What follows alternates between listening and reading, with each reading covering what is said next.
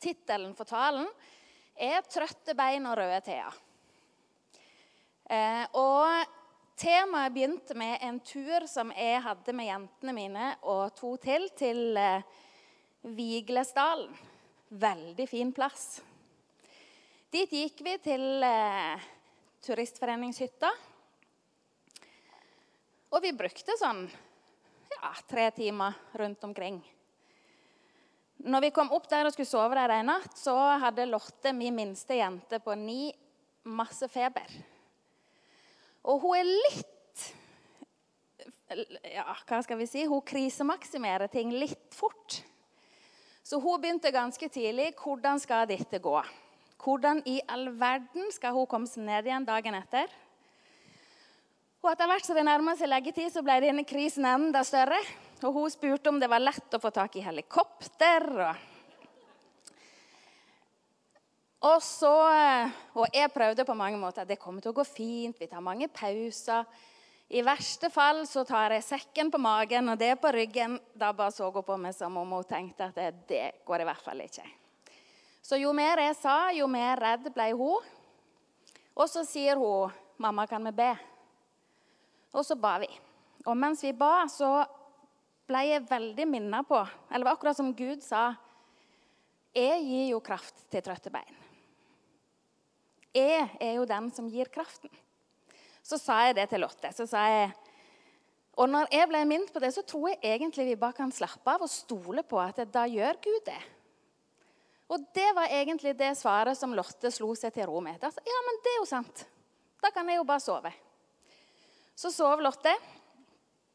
Og neste dag kom, og vi skulle gå hjem. Eh, og Lotte er vanligvis den som går sist på tur i vår familie. Hun slentrer bak og nyter livet og ser seg om.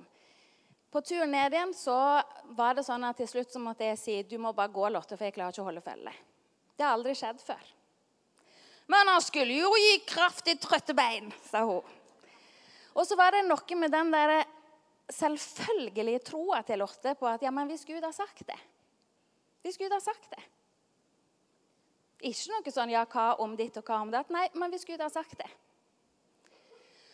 Og så når vi gikk ned igjen, så gikk jeg egentlig og bare kjente på en sånn fytti. Altså, hvis du har sagt det.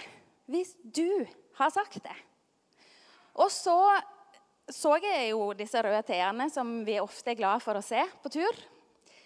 Og så var det som om Gud litt sånn minte meg på Jeg har jo så mange røde T-er som jeg har satt klar. Legger du merke til de?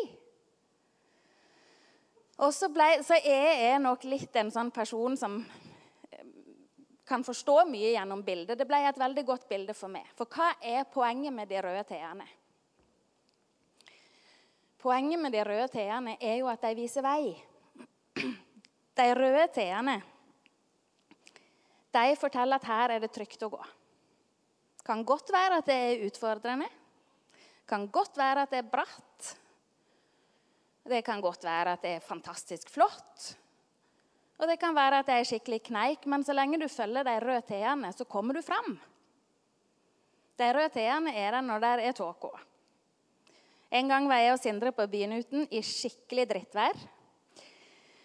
Eh, og på toppen så mista vi litt syn av de røde T-ene. Og så kan du tenke ja, på byen uten, hvor vanskelig kan det være? Det var vanskelig. Men det var likevel sånn at det, eh, vi visste at de var der. Vi visste at nå er det ekstra viktig at vi får øye på dem og følger dem. Er, jeg tror at Gud har noen sånne veivisere for meg i mitt liv og for dere i deres liv. Noen sånne ting som man sier Hvis du bare følger dette, så kommer du fram. Hvis du gjør dette, så er det trygt. Ikke sikkert det blir lett, men det er trygt. Det er ikke sikkert det er beine veien, men det er veien. Så jeg har plukket ut noen sånne T-er. da.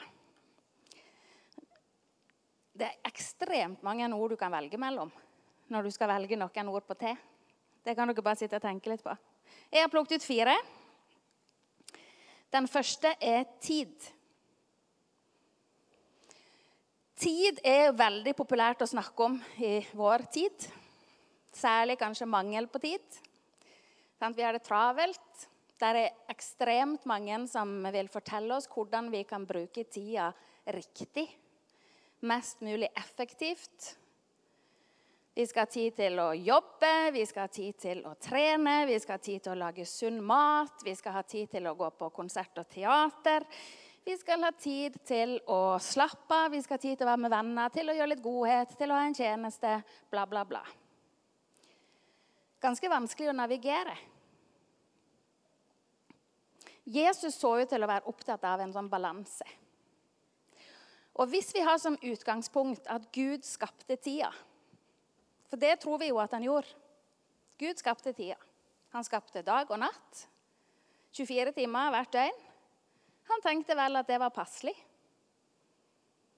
Han ga helt likt til alle. Akkurat det samme til Jesus når Jesus vandra rundt på jorda. Og hva gjorde Jesus? Jeg syns at det, det ser ut som om at det Jesus gjorde, var litt av alt. Men han var opptatt av balansen. Av og til så var han Sto han på en talerstol eller på en stein eller en høyde? eller hvor det var Han sto Han sto i hvert fall og snakket til massevis av folk. Av og til spiste han med vennene sine eller gikk på besøk til folk som trengte det. Og av og til så sa han 'Nå tar jeg meg en tur sjøl'. Nå trenger jeg å være aleine. I Salme 46, 10 så står det 'Vær stille' og kjenne at jeg er Gud. En annen plass så står det at eh, Herren skal stride for dere, og dere skal være stille for Han. Det er litt sånn motsatt av det som veldig mange forteller oss at vi skal gjøre med tida vår. Men Bibelen sier du kan være stille. Du kan hvile. Gjør vi det nok? Eller er vi nok opptatt av balanse i tida vår?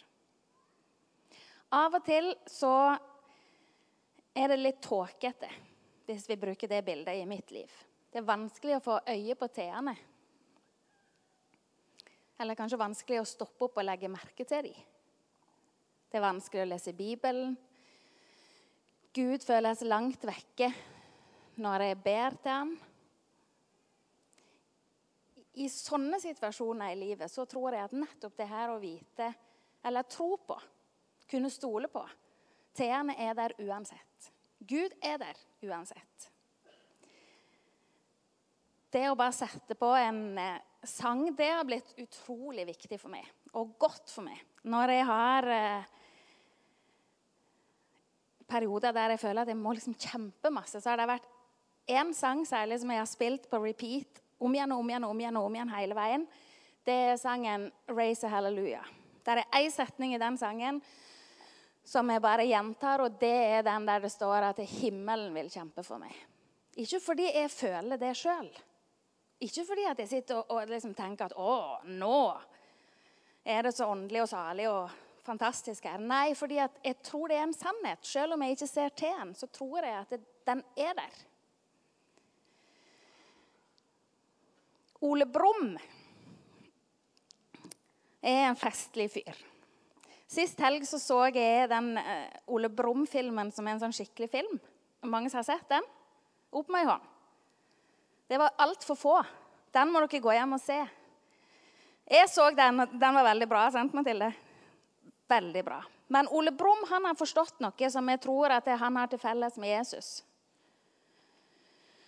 Og det var at eh, Ole Brumm ble spurt hva er din favoritting å gjøre. Vet dere hva han svarte? Ingenting. Det var favorittingen å gjøre. Ingenting. Og så ble han spurt hva er din favorittdag. I dag er min favorittdag, sa han. Utrolig klokt! Det er jo det. Hva er det Jesus sier? Vær stille og hvit. Og så er Gud nå. Ikke når ferien kommer, eller når jeg har fått til det eller det, eller når jeg har det sånn eller sånn, eller Men nå. akkurat nå. Uansett om det er lett å se til henne eller vanskelig å se til henne. Uansett om jeg kjenner at beina er fulle av kraft, eller om jeg kjenner at beina er tomme av kraft. Så kan favorittdagen være i dag. Fordi at Gud er Gud. Ganske bra. Så først til en tid. Gud har skapt tid. Gud er i tida vår. Og noen ganger så sier han 'gjør ingenting'. Neste tene står for tillit. Tillit der måtte, Jeg måtte søke opp hva var definisjonen på tillit. Og Definisjonen på tillit er en forvissning om at noen er til å stole på. At de har de egenskapene som kreves for å mestre en bestemt situasjon. Tro på at den du gir tillit til, vil handle i din beste interesse.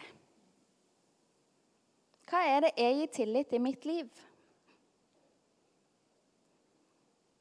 Når det røyner på, f.eks., hva er det jeg gir tillit til? Gir jeg tillit til at jeg må bare sørge for at jeg har nok penger? Eller gir jeg tillit til at så lenge jeg er så flink i jobben min, så går det nok bra? Hva er det som får tilliten min? Ordspråket 3.5 sier 'Stol på Herren og sett ikke lit til ditt vett'. Gir jeg tillit til min egen forstand? Eller gir jeg tilliten min til Gud? stoler jeg på at egenskapene til Gud de er i stand til å håndtere alle situasjoner. Alltid. Pengene mine er ikke det. Jobben min er ikke det. Vennene mine er ikke det. Familien min er ikke det, selv om de er i stand til veldig mye. Men Gud er i stand til det. Den eneste. Som er i stand til å håndtere alle situasjoner i min beste interesse fordi at han ser lenger. Når jeg sang i ungdomskoret Respons på Emlem i Ålesund kommune, så sang vi en sang som het Jeg husker ikke hva den heter, og jeg husker ikke så mye av den, men jeg husker det viktigste. Og det viktigste det var Han har gått foran. Han er en kjent mann som vet hvor han går. Det er det verdt å gi tillit til. Han er en kjent mann. Han vet hvor han går. Og der er noe sånn befriende i å kunne tenke Vet du hva? Jeg trenger ikke å stole på fornuften min. Noen kan sikkert gjøre det mer enn andre, men ingen av oss trenger. Vi kan stole på en som har alle egenskapene som trengs for å håndtere alle situasjoner som kommer, best mulig. Og av og til så blir jeg slått av en sånn Tenk, jeg kjenner han. Og, og jeg kjenner det, det, blir nesten litt sånn Tenk at jeg kjenner han. Jeg er venn med han som, har, som er i stand til å håndtere livet. Alltid. Det er ganske stort, det.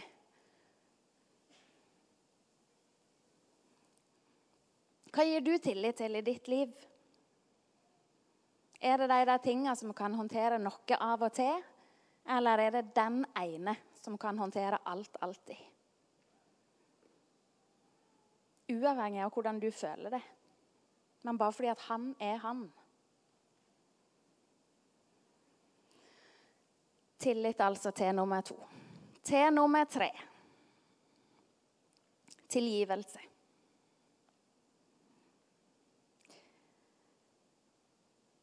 En fantastisk eh, ting hva er det som er, er så viktig med tilgivelse? Det viktige med tilgivelse det er at vi driter oss ut. Vi får ikke det til. Vi bommer, mister synet av teene, mister synet av hva som er viktig. Så er det andre. Gjør ting som er feil. Og så sier Bibelen trenger ikke å vente. Nåden er ny hver dag. ferskvare. Litt sånn at når du står opp på morgenen, så eh, De fleste av oss har sikkert et sånt ritual. Opp om morgenen, en kopp kaffe, en dusj, og så er vi klare. Tur med hunden og pakke matbokser. I den der morgenrutinen så kan vi nesten tenke litt sånn Vet du hva, jeg kan dusje i nåden før jeg går ut i dagen. Vær klar til å begynne helt på nytt.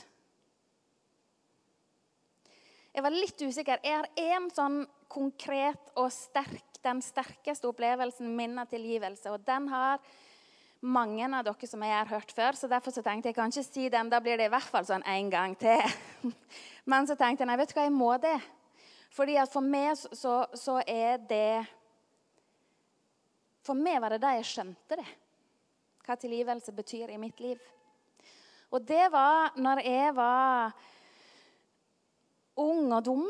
Nei, jeg, når jeg var ungdom, så var jeg dritlei av Gud og kirke og kjedelig kristendom og ting som jeg da tenkte at ga meg ingenting. Så jeg valgte alt det vekk. Og så levde jeg veldig annerledes en, en stund. Jeg gjorde mye dumt, og det skal jeg ikke gå inn på. Men en av de tingene jeg gjorde som var forferdelig dumt, var at jeg stjal mye. Eh, penger og ting. Og fra butikker og fra familien min, til og med fra venner. Um, og, så, og jeg, husker, jeg husker ikke sånn kjempemye fra den tida, men jeg husker at jeg hadde ofte dårlig samvittighet. Men at jeg trykte det vekk. Så husker jeg at når kvelden kom, så ba jeg av og til sånn Jesus, hvis du fins og har tenkt å komme igjen, så ikke gjør det nå. Um, sånn tåpelig greie tror ikke på det, men bare vent litt. Um, en dag så gjorde pappa noe som forandra livet mitt. Uh, det skjedde på kjøkkenet hjemme hos foreldrene mine. Uh, og pappa kom med et ark og en penn og sa Skriv ned på dette arket alt det du har tatt. Det gikk mange tanker gjennom hodet mitt på hvorfor jeg skulle det. Og de tankene var sånn som skal en henge det opp? Skal det være en sånn Du står i evig gjeld, du kan aldri si nei, for du må alltid liksom Eller hvorfor? Et eller annet gjorde at jeg gjorde det likevel. Og det, og det har jeg også tenkt på mange ganger. etterpå. Hvorfor gjorde jeg det? Hvorfor satte jeg meg ned og skrev? Og jeg var til og med ærlig. og det er i hvert fall, hvert fall rart når jeg hadde skrevet ned alt dette, og flau som jeg aldri før har vært, kom med mer bøyd hode enn jeg tror jeg aldri før har gjort. Ned til pappa. Pappa satt med kaffekoppen på kjøkkenbenken. Mamma sto og lagde mat. Pappa tok imot og sa, 'Har du fyr?' Han hadde funnet at jeg røykte samtidig, så derfor spurte han om det. Dagen før hadde jeg nok sagt nei, jeg har ikke fyr. Men denne dagen så sa jeg ja, jeg har fyr. Og så ga jeg han lighteren. Så snudde mamma seg. Og så så jeg på mamma at mamma tenkte hva skjer nå? Det som skjedde da, det var at pappa tok den lighteren og så brente han arket. Og så sa han nå er dette glemt. Helt vekke. Og han overhørte mammaen sin hva du sa nå. Men han bare holdt fast at det er vekke. Nå begynner vi på nytt igjen. Der og da i det øyeblikket så fikk jeg en sånn Som jeg kjente i hjertet på en måte som jeg aldri før har kjent. At dette var det Jesus gjorde. Helt ufortjent. Han skulle ha gjort Han kunne ha straffa meg så bare juling, gitt meg all verdens slags konsekvenser, men han gjorde ikke det. Han valgte den vanskeligste løsningen for at jeg skulle slippe. Og det pappa gjorde der, det gjorde at jeg gikk opp på rommet mitt og så sa jeg, OK, Jesus. Tror ikke jeg kommer til å gå i kirka. Har ikke lyst til å være venn med de kristne, men vil Jeg vil jo ha det i livet mitt. Og så var det akkurat som om at jeg ble fylt med en sånn eh, Når jeg leser historien om Sakkeus i Bibelen, så kjenner jeg meg litt igjen i Sakkeus. For Sakkeus sprang jo rundt som en galning og skulle gi alle folk pengene tilbake igjen. Og sånn var jeg jo litt. Jeg skrev masse brev. Rema 1000. Her er ti kroner jeg stjal en Stratos til fem. Hilsen Hege Sveås. Og jeg leverte de med liksom Og jeg tenkte at Folk kan tenke akkurat hva de vil om. Jeg har ingenting å si. Jeg er tilgitt. Det er tilgivelse. Ufortjent. Ferskvare. Ny hver eneste dag. For noen uker siden så sa Martin en setning i en tale som jeg kommer til å huske lenge. Han sa vi får ikke som fortjent, men vi får som vi er elska. Vi har ei sånn tavle hjemme i gangen som vi kan skrive på. Der står det det. Du får ikke som fortjent, men du får som du er elsket. Det er fantastisk. Og det er en av de t-ene som gjelder, og som er der. Selv om det er tåke, eller selv om du føler at du har drept det ut igjen. Nåden er ny hver dag. Tilgivelsen er der. Det er bare å åpne opp for den. Be om den, spør om den, så får du den. Så det var den tredje T-en. Siste T-en, den er jeg litt fornøyd med. Jeg kunne valgt eh, trøst eller tro eller tålmodighet eller tæl eller tørre eller takk eller Men jeg har valgt tømming. Og syns at det er veldig bra. Vi har sånn tømmekalender hjemme. Det har sikkert alle. Når jeg kommer og tømmer de forskjellige bossdunkene. Ekstra kjipt hos oss når, glemmer, når vi glemmer Fin retting. Vi glemmer å sette ut den svarte dunken. Det er kjipt. Det er lenge til neste gang. Hvorfor har jeg valgt det ordet? Fordi jeg tror at tømming er særdeles viktig for oss. Du vet hvis du har glemt eh, f.eks. en matboks. Det er ikke så lenge siden det skjedde hos oss. Det, var, det er jo ferie. Vi setter sekkene vekk kjempefort. Og så glemmer vi å ta ut innholdet. Så finner vi det ut når vi trenger sekken. Så åpner du matboksen, så er det noe som ser ut som et dyr oppi. Loddent. Lukter ille. Du glemte å tømme søpla. Eller advarslene som kommer fra kommunen når det er meldt dårlig vær. Husk å tømme takrennene og slukene. Hvis ikke så blir det dumt. Lens båten, så du holder det flytende. Det er enormt mye som vil stjele plass i oss, som vil fylle, fylle på hos oss. Av gode ting, av dårlige ting. Av, eh, de sier, En undersøkelse viser at eh, fire av ti i aldersgruppa 30 44 i Norge er stressa. Så var det nettopp en sånn ungdataundersøkelse blant ungdom i Norge som sier at det aldri før har de sett så mange stressymptom hos norske barn og unge. Eh, jeg syns det er utrolig interessant med sånn, hva gjør stress med kroppen. For vet du, Stress gjør utrolig mye med kroppen.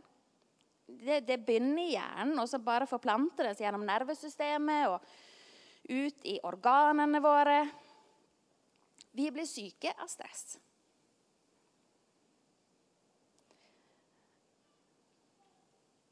Ja, men Er det sånn at vi nødvendigvis er så stressa? Nei, det er ikke sikkert det er kjempebra hvis du ikke er det. Men jeg tror at det er en måte å unngå det på Eller en måte å være bevisst de røde T-ene på, er å tenke at jeg må sørge for at jeg får en sånn tømming. At jeg, både, at jeg kan legge ting fra meg. Det gjelder i relasjoner òg. Det av og til som en rensker ut. Eh, I 1. Peter 5,7 så står det 'Kast alle bekymringer på ham'. Tenk det, da. Ikke behold de sjøl. Du kan bare kaste de, legge de fra deg. Nullstille litt. Vi er jo opptatt av EU-kontroll på bilene våre. Jeg, hørte, jeg var på et kurs, og så var det en av de kursholderne som sa tar du EU-kontroll på deg sjøl av og til. Så syns jeg det var ganske godt sagt. Jeg tenkte, Gjør vi det i forholdet vårt til Gud, i forholdet til de røde T-ene? Stopper vi av og til opp og tar en sånn Hvor er jeg? Hva legger jeg merke til? Hva gir jeg fokus til? Hvor er det jeg tømmer ut? Tømmer jeg ut til Gud? Eller blir det til sånn søppel som bare blir liggende og lukte? Eller takrenner og sluker som blir tette? Det går an å bare tømme ut.